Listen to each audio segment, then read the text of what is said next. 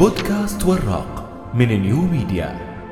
بودكاست وراق يضعك بين يدي الكتب. اسم الكتاب عزاءات الفلسفة. كيف تساعدنا الفلسفة في الحياة؟ المؤلف آلان دو بوتون. ترجمة يزن الحاج. دار النشر التنوير. عدد الصفحات 307 الحجم متوسط. السعر أربعون ريالا سعوديا. العزاء بشأن مخالفة الآراء السائدة. سقراط. يمتلك كل مجتمع أفكارا عما ينبغي أن يؤمن به المرء وعن كيفية تصرفه بحيث يتجنب التشكيك ومخالفة الآراء السائدة. تقدم بعض هذه المعتقدات المجتمعية بصيغة واضحة في منظومة قوانين رسمية فيما تكون أخرى متضمنة على نحو كامل في مجموعة هائلة من الأحكام الأخلاقية والعملية توصف بكونها الفهم السائد. تقرر ما ينبغي على المرء ارتداؤه والقيم المالية التي ينبغي تبنيها والأشخاص الذين ينبغي احترامهم والإتيكيت الذي ينبغي اتباعه. وسيبدو الشروع بمساءلة هذه المعتقدات غريبا بل وعدوانيا. إذ عندما يكون الفهم السائد متحررا من المساءلة فإن هذا يعود إلى أن أحكامه شديدة الوضوح والمعقولية بحيث لا تكون هدفا للتشكيك. كان لليونانيين القدماء الكثير من معتقدات الفهم السائد، وكانت تفرض عليهم بتصلب في إحدى عطل نهاية الأسبوع. وبينما كنت أتصفح الكتب في مكتبة للكتب المستعملة، عثرت على سلسلة من الكتب التاريخية الموجهة أساسا للأطفال. تضم عددا من الصور والرسومات التوضيحية. كانت السلسلة تضم انظر داخل بلدة مصرية وانظر داخل قلعة ومجلدا اشتريته مع مجموعة من النباتات السامة. انظر داخل بلدة يونانية قديمة. كان الكتاب يشرح أن اليونانيين كانوا يؤمنون بآلهة كثيرة. آلهة للحب والصيد والحرب، آلهة مسؤولة عن الحصاد والبحر، وقبل شروعهم بأي عمل كانوا يصلون لتلك الآلهة ويذبحون حيوانات في مقام مقدس في المنزل. كان اليونانيون يشعرون بالتفاؤل بسبب امتلاكهم العبيد. في القرن الخامس قبل الميلاد، في أثينا وحدها، كان يوجد ما بين ثمانين ومائة ألف عبد. كما كان اليونانيون ميالين للنزعة العسكرية ويقدسون الشجاعة في المعارك. وكي يعتبر المرء رجلا حقيقيا كان عليه أن يتقن كيفية حز رؤوس الأعداء. وكانت النساء خاضعات كليا لسلطة أزواجهن وآبائهن. لم يكن لديهن أدنى دور في السياسة أو الحياة العامة. بل كن محرومات من الميراث أو من امتلاك المال. لم تكن أي من هذه الأفعال جديرة بملاحظة معاصري سقراط. كانوا يستشعرون بالإهانة والغضب لو تم سؤالهم عن سبب تقديم الديكة لأضحيات أسقليبيوس أو عن السبب الذي يحتاج فيه الرجال أن يقتلوا كي يكونوا ذوي قيمة.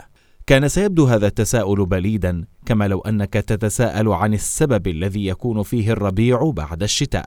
ولكن عدائية الآخرين ليست هي وحدها السبب الذي يمنعنا من مساءلة الوضع القائم.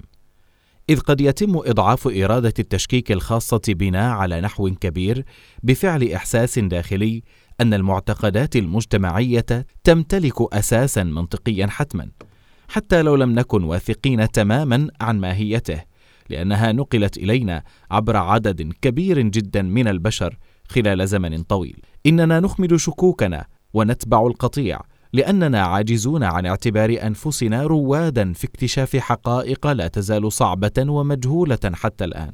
من أجل المساعدة في تجاوز خنوعنا نلجأ إلى الفيلسوف. الحياة. ولد في أثينا عام 469 قبل الميلاد ويعتقد أن والده سوفرينيسكوس كان نحاتا وأمه فايناريت كانت قابلة. في فتوته كان سقراط طالبا لدى الفيلسوف أرخلاوس. ثم مارس الفلسفة بعد ذلك من دون تدوين. لم يكن يتقاضى مالا مقابل دروسه فانزلق نحو الفاقة ولم يكن لديه أدنى تعلق بالممتلكات المادية. كان يرتدي العباءة ذاتها خلال العام ويكاد يمشي حافيا طوال الوقت. كانت زوجته زنتيب سيئة الطباع عندما سئل عن سبب زواجه بها أجاب أن على مروضي الخيول تجربة أكثر الحيوانات جموحا. كان يقضي معظم وقته خارج المنزل. يتحدث إلى أصدقائه في الأماكن العامة في أثينا. كانوا يقدرون حكمته وحس فكاهته. وقلة منهم كانت راضية عن مظهره. كان قصيرا ملتحيا أصلع ذا مشية مترنحة ووجه منفر. لكن سمته الأشد غرابة كانت عادة التقرب من الأثينيين من جميع الطبقات والأعمار والمهن. ليمطرهم بالأسئلة من دون أدنى شعور بالقلق من أن يعتبروه غريب الأطوار أو مسببا للغيظ وذلك كي يفسر لهم سبب اعتناقهم معتقدات سائدة وما يعتبرونه مغزى حياتهم. سلطة الفهم السائد كثيرون اعتبروا الأسئلة جنونية واضطهده البعض وأرادت قلة قتله في مسرحية السحب لديونيسوس عرض أرسطوفانيس أمام الأثينيين صورة كاريكاتورية للفيلسوف الذي بينهم الذي رفض قبول الفهم السائد من دون التمحيص في منطقه على نحو مفصل. ظهر الممثل الذي يلعب دور سقراط على الخشبة في سلة معلقة برافعة إذ كان يدعي أن ذهنه يعمل على نحو أفضل في مكان مرتفع. كان مشغولا بهذه الأفكار المهمة إلى حد عدم امتلاك وقت للاغتسال ولذا كانت عباءته كريهة الرائحه ولكنه كان على الأقل قادرا على مقاربة مسائل الحياة المحورية وكانت تتضمن ما المدى الذي يمكن أن تصل إليه وثبة البرغوث مقارنة بطوله. كان ارسطوفانيس يبين نقدا مالوفا للمثقفين إنهم عبر أسئلتهم يشطون عن الآراء المنطقية أكثر ممن لم يعبد ابدا إلى تحليل المسائل بطريقة منهجية. وبينما كان الناس العقلاء قادرين في أعين ارسطوفانيس على الركون إلى معرفة أن البراغيث تثب مسافة هائلة مقارنة بطولها. كان سقراط في موقع المتهم بالتشكيك الجنوني بالفهم السائد وبترسيخ نهم منحرف للبدائل المجنونة المعقدة. كيف يفكر المرء بنفسه؟ لا يساعدنا الفيلسوف على الاقتناع أن الآخرين قد يكونون على خطأ فحسب بل يقدم لنا كذلك طريقة بسيطة تمكننا من تمييز ما هو صحيح بأنفسنا. قلة هم الفلاسفة الذين كانوا يمتلكون الحد الأدنى من الإحساس بما هو لازم للشروع بحياة تأملية. لسنا بحاجة إلى سنوات من التعليم الرسمي والعيش المرفه. يمكن لأي شخص يمتلك عقلا فضوليا وحسن تنظيم ويسعى إلى التدقيق في المعتقدات السائدة أن يبدأ محادثة مع صديق في أحد شوارع المدينة بحيث يصل مقتفيا المنهج السقراطي إلى فكرة خلاقة أو اثنتين خلال أقل من نصف ساعة. في عامه السبعين واجه سقراط اعصارا. ثلاثة أثينيين الشاعر ميليتوس والسياسي أنيتوس والخطيب ليكون. اعتبروه رجلا غريبا وشريرا. ادعوا أنه رفض عبادة آلهة المدينة وأفسد النسيج الاجتماعي لأثينا عدا عن تأليب الأبناء على آبائهم وجزموا أن من الواجب إسكاته وربما قتله. كانت مدينة أثينا قد كرست إجراءات لتمييز الصح من الخطأ. في الجانب الجنوبي من الساحة كانت تنتصب محكمة المحلفين وكانت المحاكمات تبدأ بخطاب افتتاحي للادعاء يليه خطاب الدفاع. ثم تقرر هيئة المحلفين التي يتراوح عددها بين 200 إلى 2500 أين تكمن الحقيقة عبر التصويت أو رفع الأيادي. وقد كانت طريقة إقرار الصح من الخطأ عبر إحصاء عدد أنصار أحد الطرحين مستخدمة في جميع نواحي الحياة السياسية والقانونية الأثينية. كان ثمة 500 مواطن في هيئة المحلفين يوم محاكمة سقراط.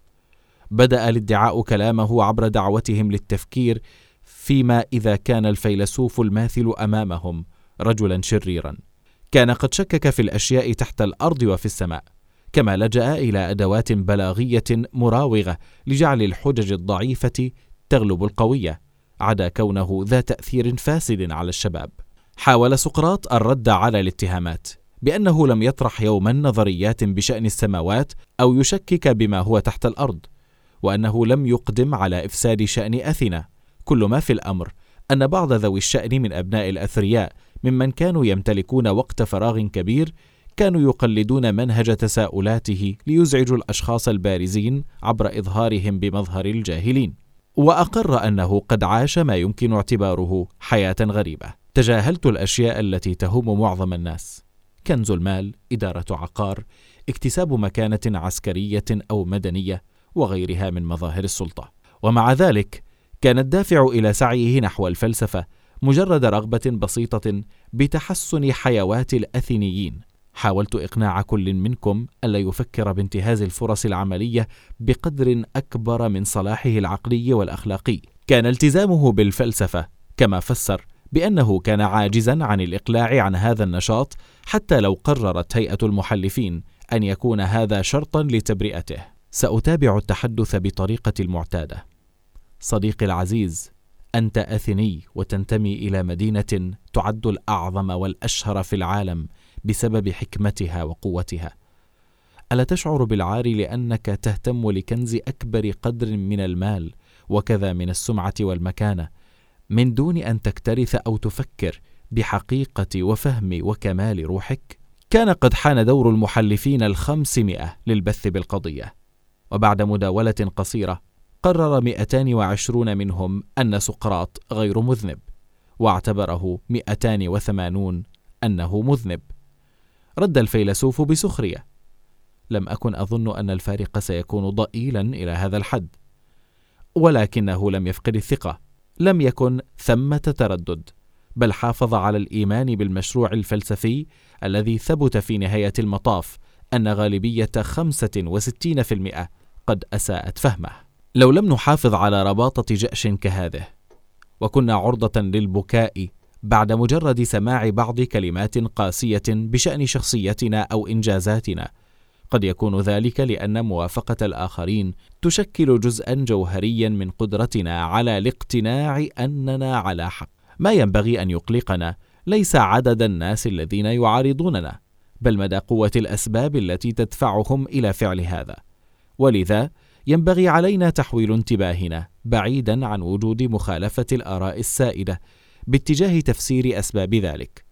وقد يكون من المخيف أن نسمع أن نسبة عالية من المجتمع تعتبرنا مخطئين. ولكن قبل التخلي عن موقفنا لابد لنا من التدقيق في المنهج الذي توصلوا عبره إلى نتائجهم. إن مدى منطقية منهج تفكيرهم هو الذي ينبغي أن يحدد القيمة التي سنسبغها على معارضتهم لرأينا. نبدو مبتلين بنزعة المعارضة. أن ننصت إلى الجميع. أن تزعجنا كل كلمة قاسية وملاحظة هازئة. ونخفق في أن نطرح على أنفسنا السؤال الجوهري على أي أساس يتم توجيه هذا التقريع القاسي؟ كما نتعامل بالجدية نفسها مع اعتراضات الناقد الذي يفكر بإنصاف ودقة واعتراضات الناقد الذي تصرف بدافع من البغض والحسد. وعلينا أخذ ما يلزمنا من الوقت للنظر إلى ما وراء النقد. إذ كما علمنا سقراط قد يكون التفكير من أساسه شديد الانحراف بالرغم من مدى الجهد المبذول لإخفاء هذا إذ ربما كان منتقدون قد تسرعوا في نتائجهم تحت تأثير أمزجة عابرة. ربما تصرفوا بدافع من الهياج والتحامل واستغلوا مكانتهم لإسباغ قيمة على إحساساتهم. العزاء بشأن الافتقار إلى المال. أبي قور. ولد أبي قور عام 341 قبل الميلاد. اهتم بالفلسفة باكرا.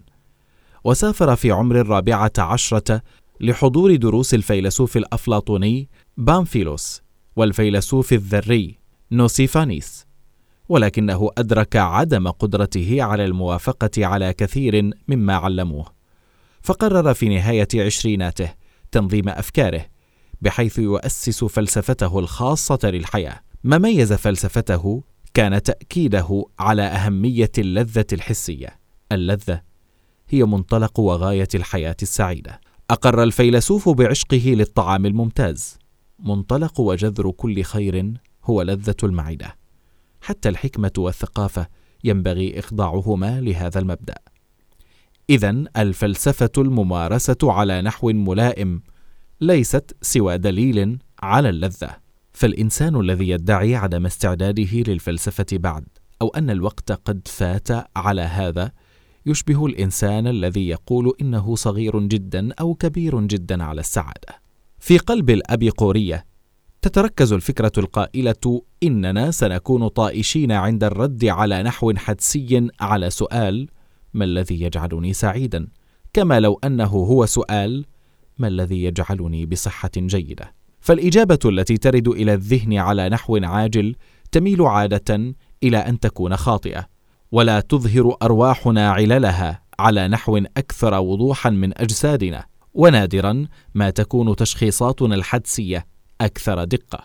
قد يشعر شخص ما بالسخط وهو يعاني من صعوبة الاستيقاظ صباحا فيكون نكدا وفظا في التعامل مع عائلته. على نحو حدسي سيسارع إلى وضع اللوم على مهنته ويبدأ البحث عن عمل بديل برغم التكاليف الباهظة لفعل كهذا مقررا بسرعة أنه سيكون سعيدا في حرفة بيع الأسماك. اشترى الرجل شبكة وكرسيا باهظ الثمن ومع هذا لم يهدا اكتئابه. غالبا ما نكون مثل مريض يجهل سبب علته. ولذا نلجأ إلى الأطباء لكونهم يفهمون عللنا الجسدية. وينبغي أن نلجأ إلى الفلاسفة للسبب ذاته عندما تكون روحنا عليلة ونحكم عليها وفقا لمعيار مماثل. كما لا يكون للطب أي نفع عندما لا يتخلص من العلة الجسدية. ستكون الفلسفة غير ذات نفع إذا لم نتخلص من معاناة العقل. كان من واجب الفلسفة بحسب أبي قور مساعدتنا على تأويل نوبات اليأس والرغبة الغامضة التي تعترينا. وبذا تنقذنا من النماذج الخاطئة للسعادة.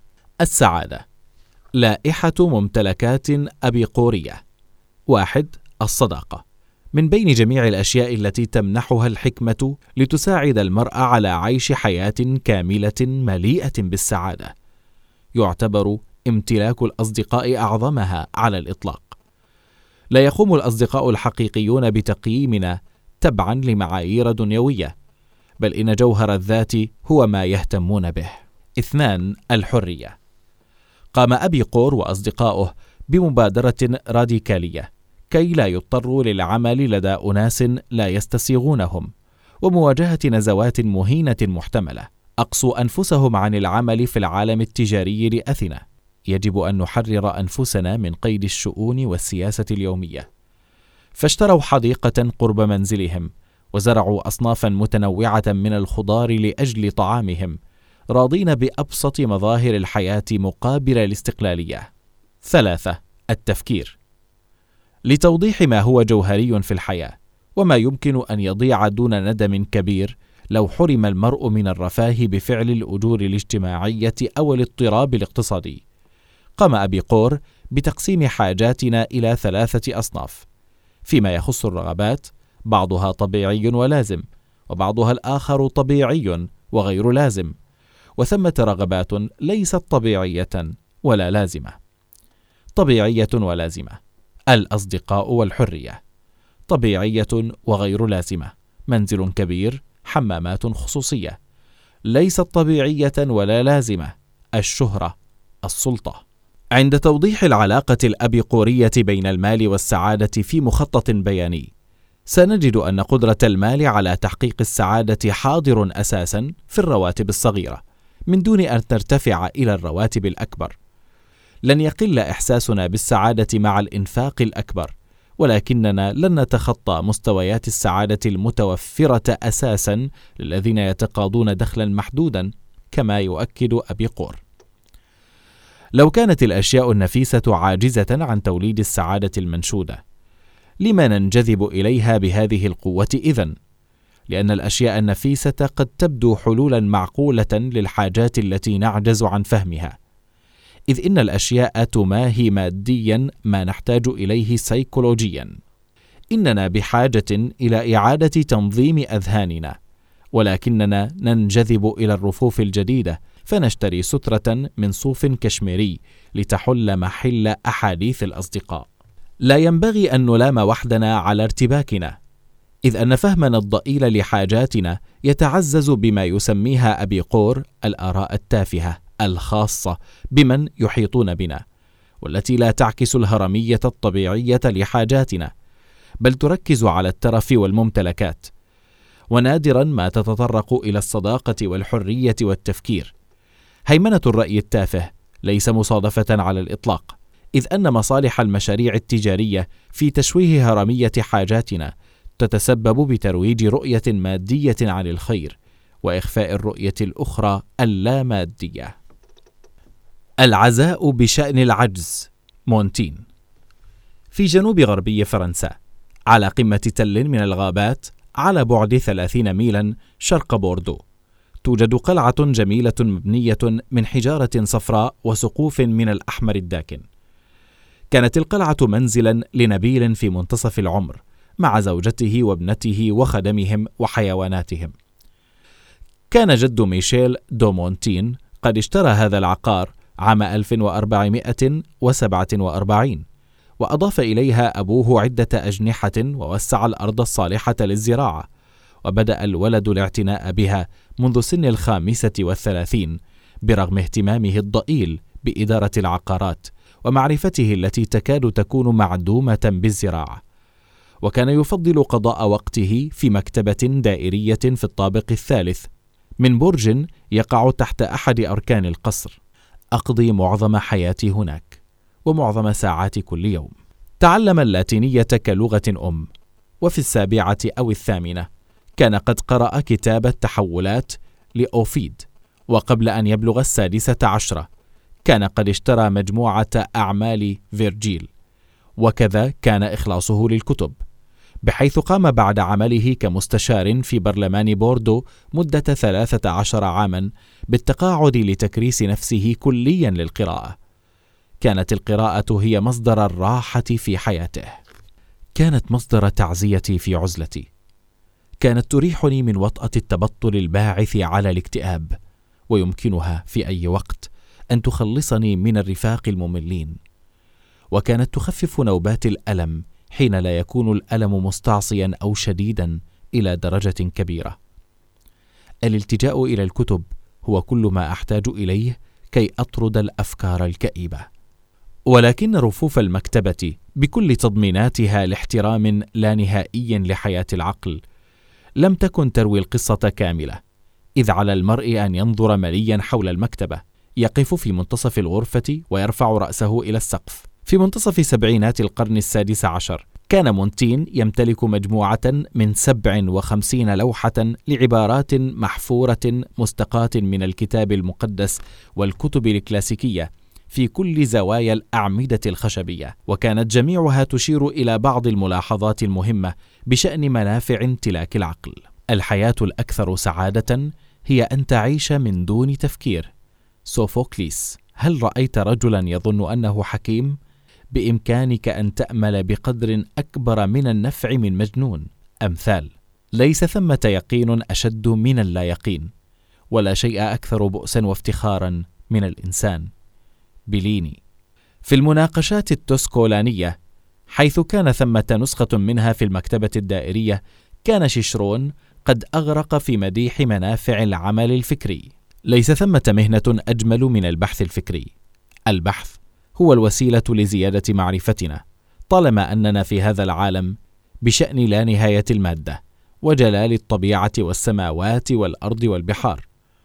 علمنا البحث الورع والاعتدال إنه ينتشل أرواحنا من الظلمة ويبين لنا كل الأشياء. وبرغم امتلاكه ألف كتاب وانتفاعه من تعليم كلاسيكي إلا أن هذا المديح أغاظه إذ كان يتعارض بشدة مع روح الكتابات على أعمدة مكتبته بحيث يعبر عن سخطه بصراحة. الإنسان كائن مسكين.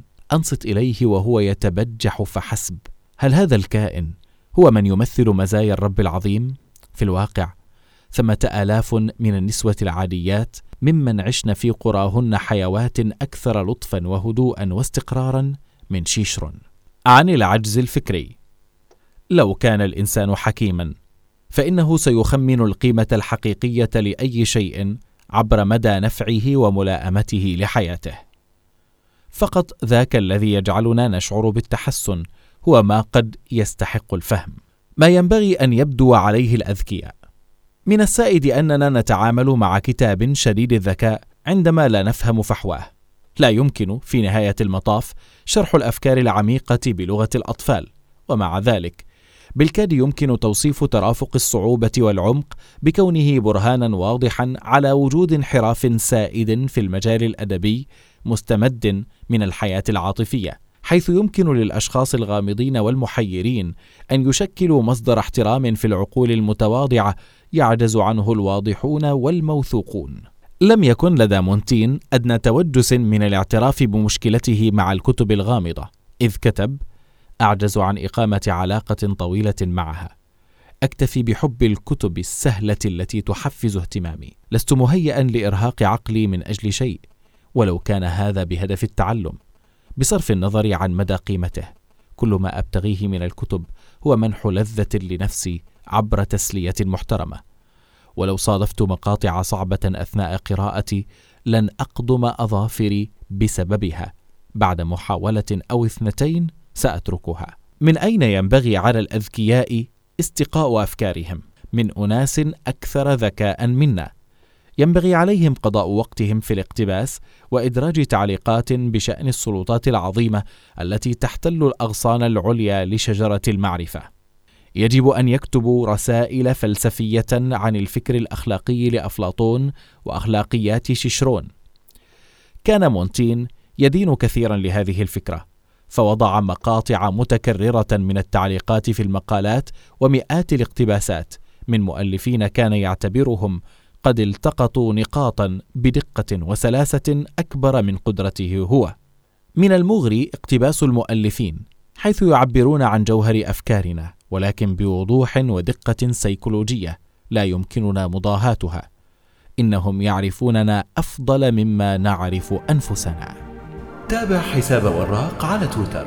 وبإمكانكم الاستماع إلى حلقات بودكاست وراق عبر البودكاست وراق cast dot com وعبر حسابنا على SoundCloud New Media 4AR بودكاست وراق. زوروا موقع وراق. وراق cast dot com